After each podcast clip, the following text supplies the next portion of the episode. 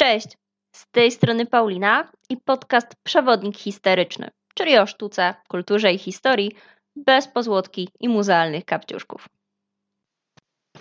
Witajcie w kolejnym odcinku. E, na wstępie muszę się do czegoś przyznać, a właściwie wytłumaczyć się. Jeżeli mój głos brzmi dla Was ostatnio dość dziwnie, czyli jeżeli macie wrażenie, że nie wiem, sapie jak Lord Vader albo jak zepsuta turbosprężarka w traktorze, to muszę się wytłumaczyć. Po prostu w momencie, w którym nagrywam ten i jeszcze poprzedni odcinek, y, jestem w ciąży i moje dziecko właśnie kopie mnie intensywnie w przeponę. Może zdąży już wyjść do czasu, kiedy to opublikuję.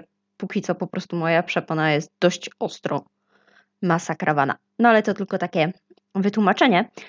Y, słuchajcie, w dzisiejszym, w dzisiejszym odcinku zajmiemy się tematem który powinien chyba być Wam bliski, bo zakładam, że skoro mnie słuchacie, to jakkolwiek interesujecie się, no nie wiem, sztuką, historią, więc pewnie nie raz, nie dwa, może osiem, może osiemdziesiąt zdarzyło się Wam być w muzeum. Zresztą, no, nie trzeba do tego specjalnych zainteresowań, bo z tego, co wiem z własnego doświadczenia zawodowego, z pracy przewodnika, to chyba każda wycieczka szkolna zawiera tego typu wizytę, tego typu atrakcje w punkcie programu i głównej mierze to właśnie od przewodnika zależy, czy dzieciaki będą ziewały, czy może będą zainteresowane. No i oczywiście od doboru typu muzeum do wieku, ale to jest w sumie trochę inny temat.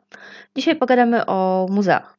Słuchajcie, jak to się w ogóle stało, że ludzkość doszła w pewnym momencie do wniosku, że gromadzenie pamiątek po poprzednich epokach to jest w sumie taki całkiem no, niegłupi pomysł, i może lepiej po prostu pewne rzeczy zgromadzić, pokazać gdzieś, wystawić, niż po, niż po prostu je walnąć do śmietnika. Także dzisiaj o tym, jakie były pomysły na pierwsze muzea, co w nich trzymano, dlaczego i tak dalej, i tak dalej. Także jeżeli jesteście ciekawi, to zapraszam do słuchania. Słuchajcie, no standardowo, nie da się inaczej. Musimy zacząć od cofnięcia się w czasie. No i Dziś lądujemy, moi drodzy, w czasach bardzo, ale to bardzo starożytnych, bo w Babilonie i w Asyrii. Już mieszkańcy Babilonu, Asyrii, tych właściwie państwek, państw, pierwszych cywilizacji, o, pierwsze cywilizacje brzmią fajnie, tworzyli coś jakby na kształt muzeów. No, szczerze mówiąc, to nawet wypracowali metodę, którą uzupełniane były zbiory muzealne jeszcze całkiem niedawno. No o czym mowa? No oczywiście o zbiorach łupów wojennych, no bo w ten sposób wzbogaciły się wielkie współczesne muzea, chociażby nawet Louvre. Takie łupy, w, powiedzmy w naszym Babilonie, powiedzmy w, w tamtym czasie, każdy sobie mógł zobaczyć, bo te zbiory były publiczne. No i przy okazji można się było przekonać, jakie to ciekawe rzeczy mieli nasi wrogowie, ale już mamy je my. I o czym to świadczy? A no to świadczy, moi drodzy, o tym, że mamy zarąbiste państwo, no i przede wszystkim zarąbistą armię. Już cesarz Nabuchodonozor II, wow, udało mi się to powiedzieć za pierwszym razem, także powtarzam raz jeszcze, Nabuchodonozor II, otworzył gabinet cudów ludzkości, tak zwany, no nie dość, że każdy sobie tam mógł wejść, i to za friko, to jeszcze każdy przedmiot posiadał podpis. No, żeby zwiedzający nie mieli wątpliwości, na co patrzą, tak jak czasami dzisiaj się zdarza, że na przykład w Muzeum Sztuki Współczesnej patrzysz się przez pół godziny na gaśnicę, kontemplujesz ją, mm, jakie głębokie dzieło. A nie, przepraszam, to nie jest dzieło, to jest po prostu element BHP. No ale wróćmy, wróćmy do, do starożytności. Oprócz tego, że powstał ten gabinet cudów ludzkości, to w mieście, w mieście państwie Ur znajdowała się też pierwsza biblioteka, taka pierwsza, że pierwsza. No skąd o tym wiemy? No oczywiście z wykopalisk, bo udało się znaleźć całą masę glinianych tabliczek zapełnionych pismem klinowym z różnymi opowieściami, z różnymi historiami z tamtego czasu. No, jak już mówimy o starożytności, to już nie da się nie powiedzieć ani słowa o Egipcie, no bo takimi swoistymi muzeami były też komory grobowe, które znajdowały się w piramidach. No, co prawda, nikt poza tym naszym zasłyszonym faraonem, no co bardzo nie miał możliwości tych zbiorów podziwiać, chyba że archeolodzy w dobie odkopywania tych wszystkich, tych wszystkich piramid, ale mimo to gromadzono tam bardzo cenne przedmioty. I to dodatkowo takie, które mogłyby przeżyć, nie wiem, nie zepsuć się, nie ulec y, upływowi czasu, czyli wykonane z solidnych materiałów, oczywiście z drogich materiałów, no bo jak coś było drogie, to wiadomo, że było też solidne, czyli na przykład z kości, ze złota, z hebanu.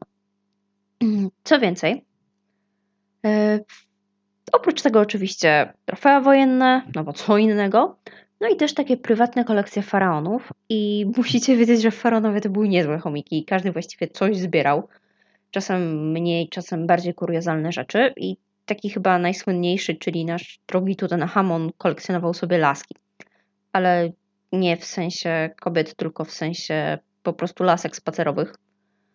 I z jednej strony dlatego, że widocznie lubił, ale z drugiej strony też po prostu ze względu na swoje zdrowie, no bo na skutek tego chowu wsobnego, który panował w, w Egipcie, w dynastiach panujących, Tutenhamon miał jedną nóżkę bardziej niż drugą, no i po prostu biedaczek sobie kulał, więc stwierdził, że skoro i tak już musi używać tych lasek, to, to niech sobie już będą ładne i ozdobne. Oczywiście to gromadzenie tych wszystkich rzeczy wynikało nie tylko z y, trybu chomik, tylko przede wszystkim z tej wiary w życie pozagrobowe. No bo Egipcjanie, jak wiemy, uważali, że wszystko to, co, co używają sobie na ziemi, no to też będzie im potrzebne w tym życiu pozaziemskim. E, z Egiptu przenosimy się, dzisiaj skaczemy trochę po mapie i po, po epokach. Musimy się przenieść do Grecji. No a w Grecji w czasach starożytnych pojawiło się to, co dobrze znamy, czyli nazwa. Nazwa przybytku z tynnymi szpejami, ale to no, nie do końca było tak, jak może Wam się wydawać, bo słowo muzeum, którego używamy do dziś, wzięło się od muzejonu. No tylko gdybyście gdzieś w starożytnej Grecji, w jakimś polis, chcieli podeszli do jakiegoś Greka i zapytali, ej stary, pokaż mi muzeum, no to on by was zaprowadził. Tylko, że pewnie gdybyście weszli do środka, to byście się no, srodze zdziwili. No bo muzeum to była świątynia poświęcona muzom, czyli patronkom sztuk wszelakim.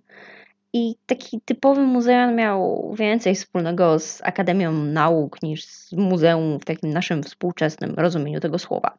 No najsłynniejsze muzeum to oczywiście Muzeum w Aleksandrii. To jest fundacja Ptolemeuszy, czasy już hellenistyczne.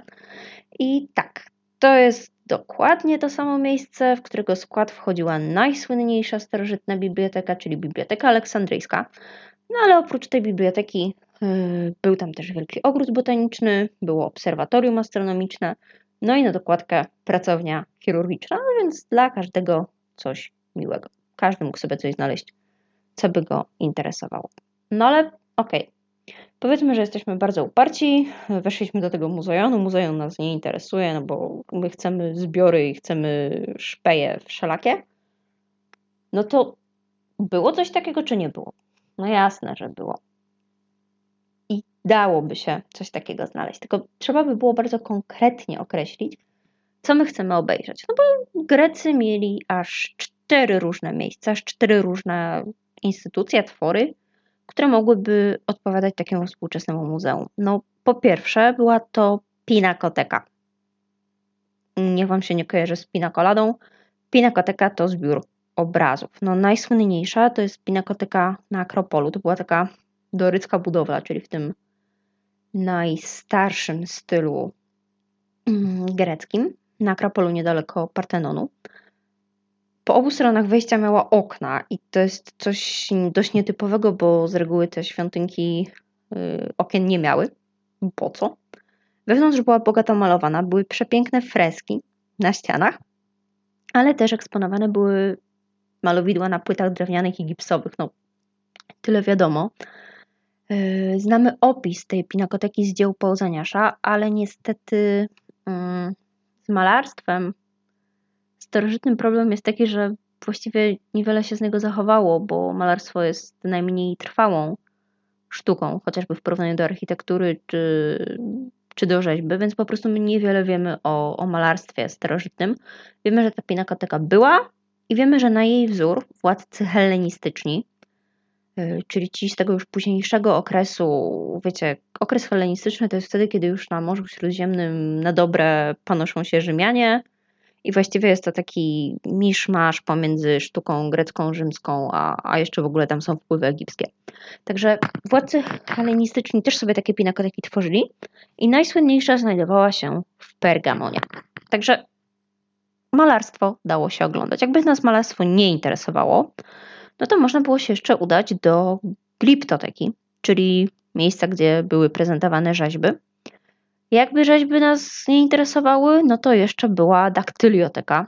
I znowu, to nie był zbiór owoców, to nie był zbiór daktyli, tylko był to zbiór drogocennych kamei i gem. Specjalnie oszlifowanych, specjalnie wyrzeźbionych, drogocennych, yy, szlachetnych kamieni. No a jeżeli bylibyśmy królem Midasem i chcielibyśmy sobie popatrzeć na złoto, ewentualnie smokiem, ewentualnie sroką, no to wtedy trzeba byłoby się udać do Tezaurosa, czyli do skarbcu. No i tych naj... skarbca, Jezus Maria. I tych skarbców najwięcej można było znaleźć w Delfach, czyli tam, gdzie oczywiście znajdowała się hmm, świątynia Apolla i tam różne polis trzymały sobie różne dary, oczywiście złożone dla Apolla, no a wiadomo jak dla Apolla to też, też dla mus. Pod koniec tych złotych czasów Grecji, czyli tak jak już wspominałam w epoce hellenistycznej, e, zapanowała pewna ostentacja w kolekcjonowaniu. Włączył się tryb sroka.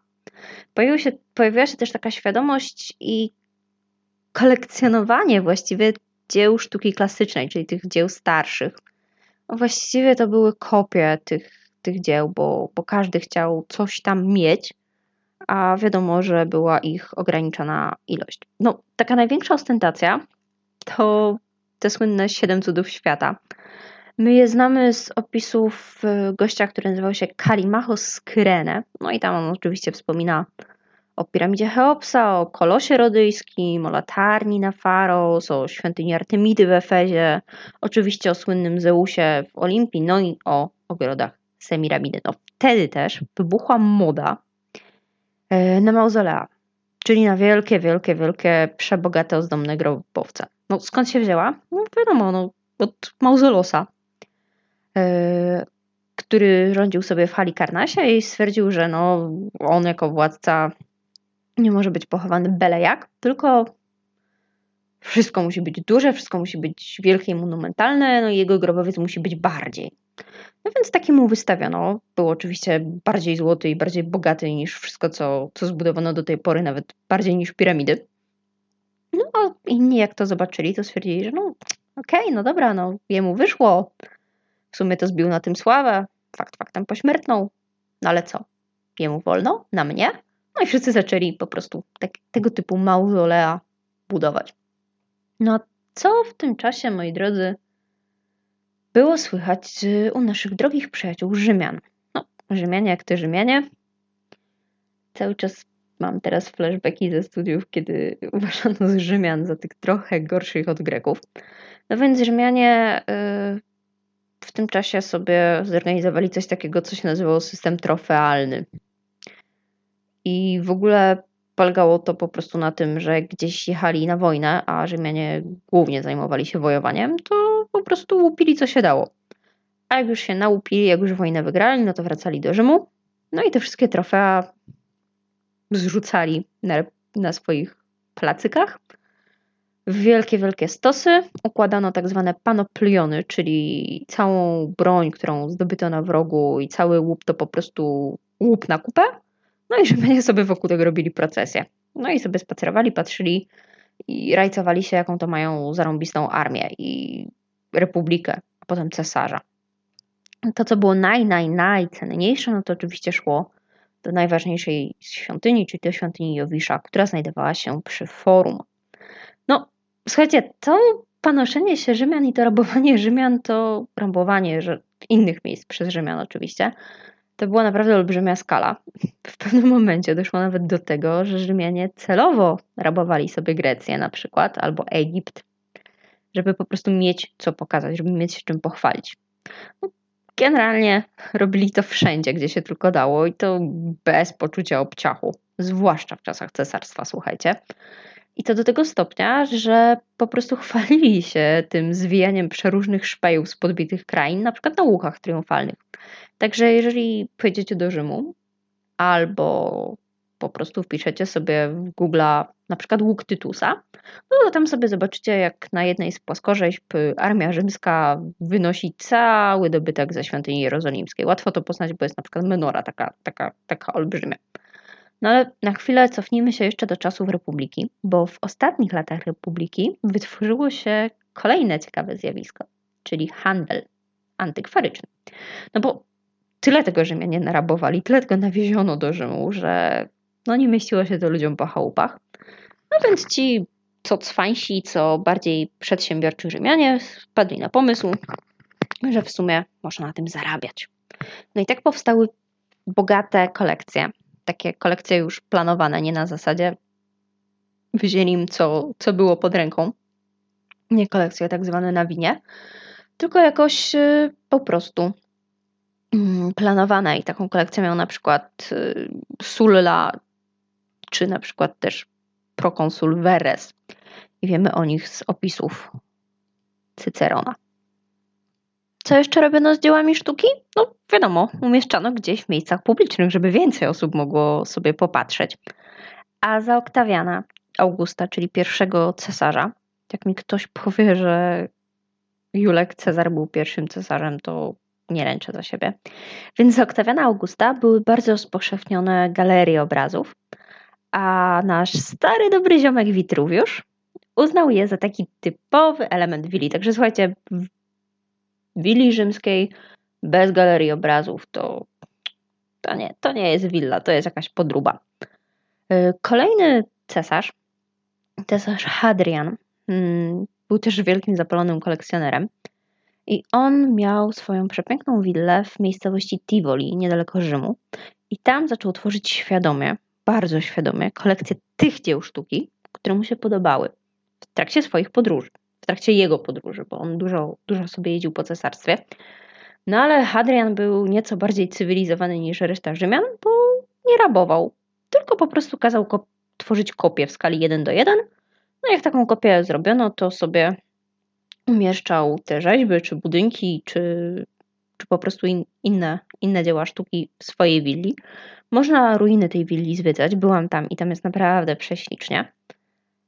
No ale Hadrian to był taki jeden chlubny wyjątek, bo jednak cała reszta nie pieprzyła się za przeproszeniem w robienie kopii, tylko po prostu rabowała, co się tylko i wyłącznie dało. Na początku, właśnie w czasach Hadriana, Oktawiana i na początku cesarstwa, to było takie jeszcze powiedzmy zbieractwo oświecone, czyli okej, okay, no dobra, tą rzeźbę sobie wezmę, bo, bo ona mi się podoba. A potem, no, potem wrócono do tego, co było na początku, czyli po prostu łapano już co leci, co się już tylko dało. I o takim zjawisku mówi się po prostu tezauryzacja, czyli tworzenie kolekcji po prostu ze wszystkiego, z czego tylko i wyłącznie się dało zrobić, ale tylko po to, żeby było bogato, czyli to jest taki efekt, wiecie, takich no, nowych ruskich trochę. No ale jak już o Rzymie sobie mówimy, to może czas przenieść się w inne rejony Europy, na przykład do Galii. No, co tam było w tej naszej małej wiosce, która niezmiennie opierała się Rzymianom?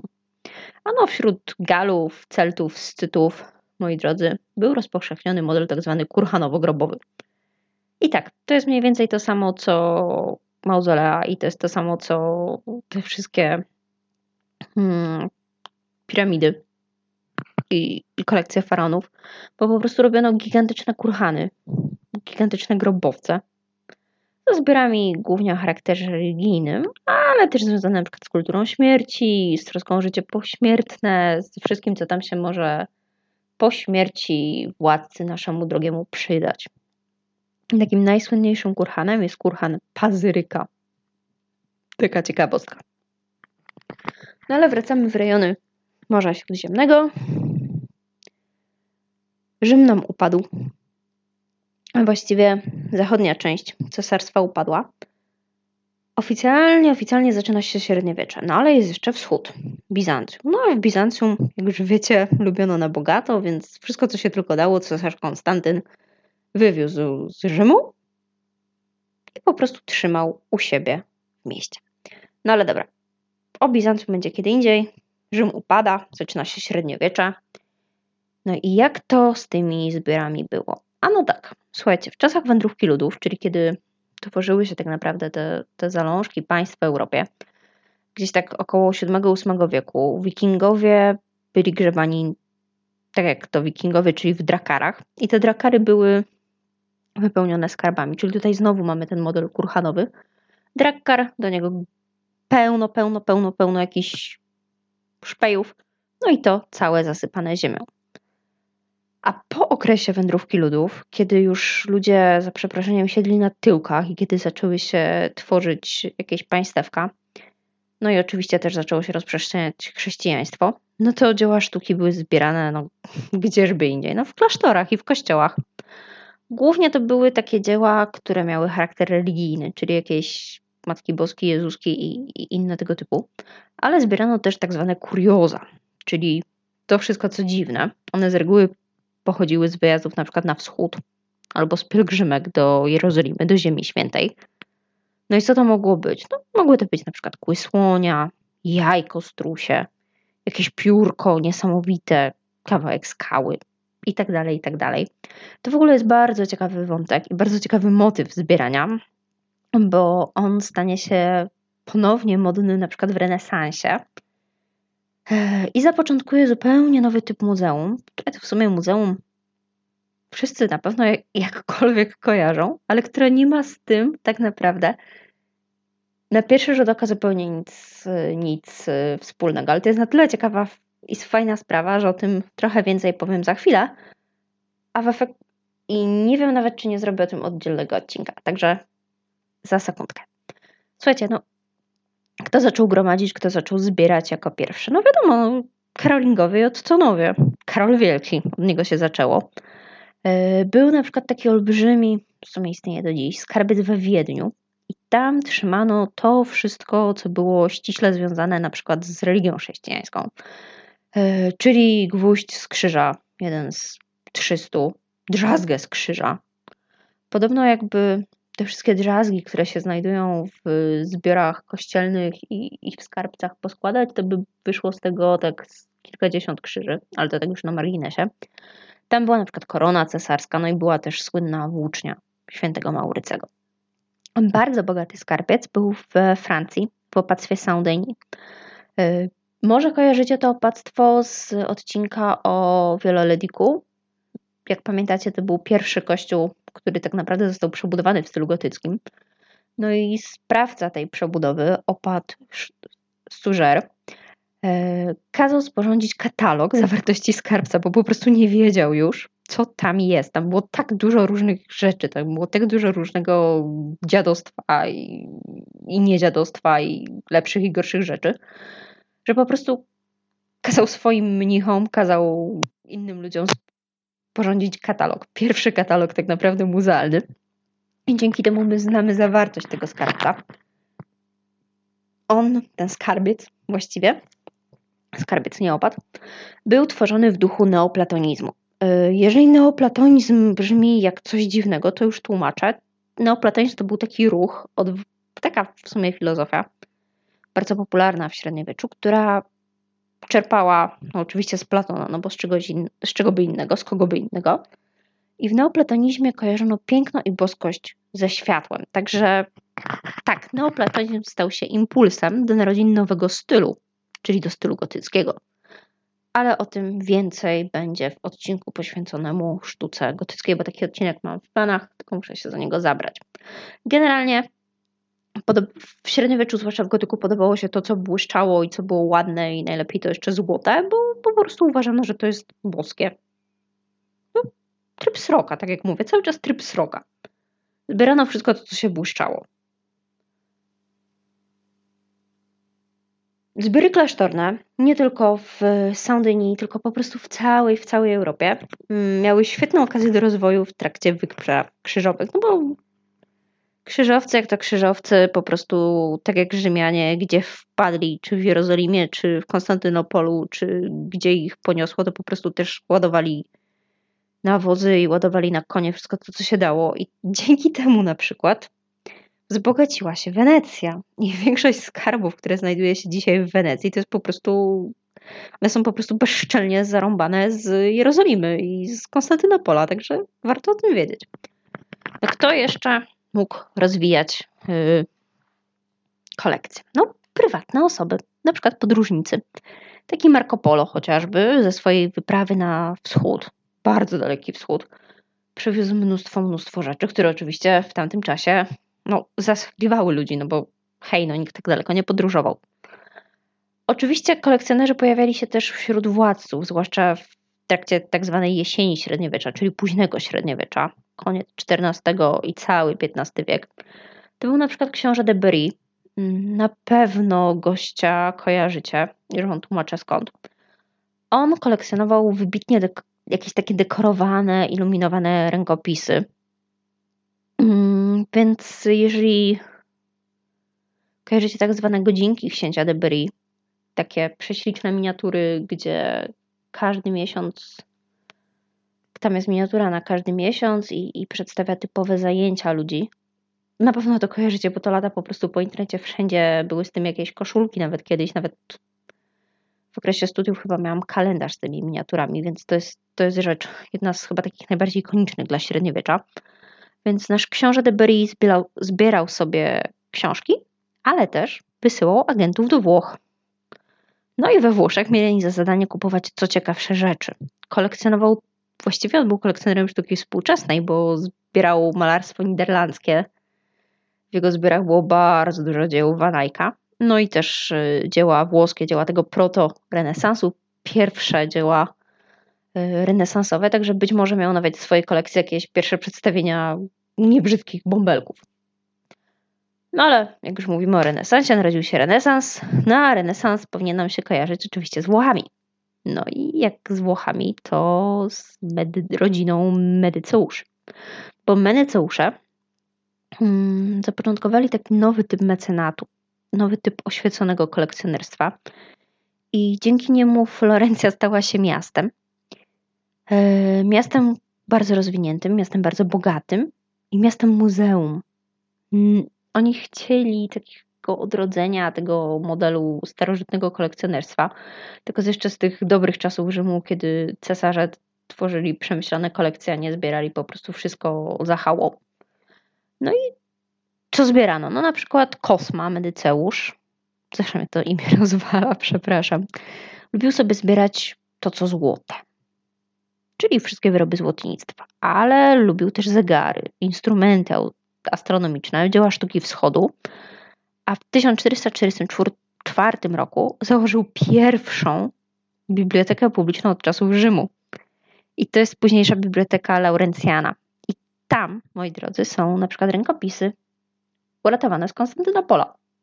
Uratowane po zniszczeniu Konstantynopola. Mm, kolejny medyceusz, Piero, Piotruś, zażył tak zwane studiolo.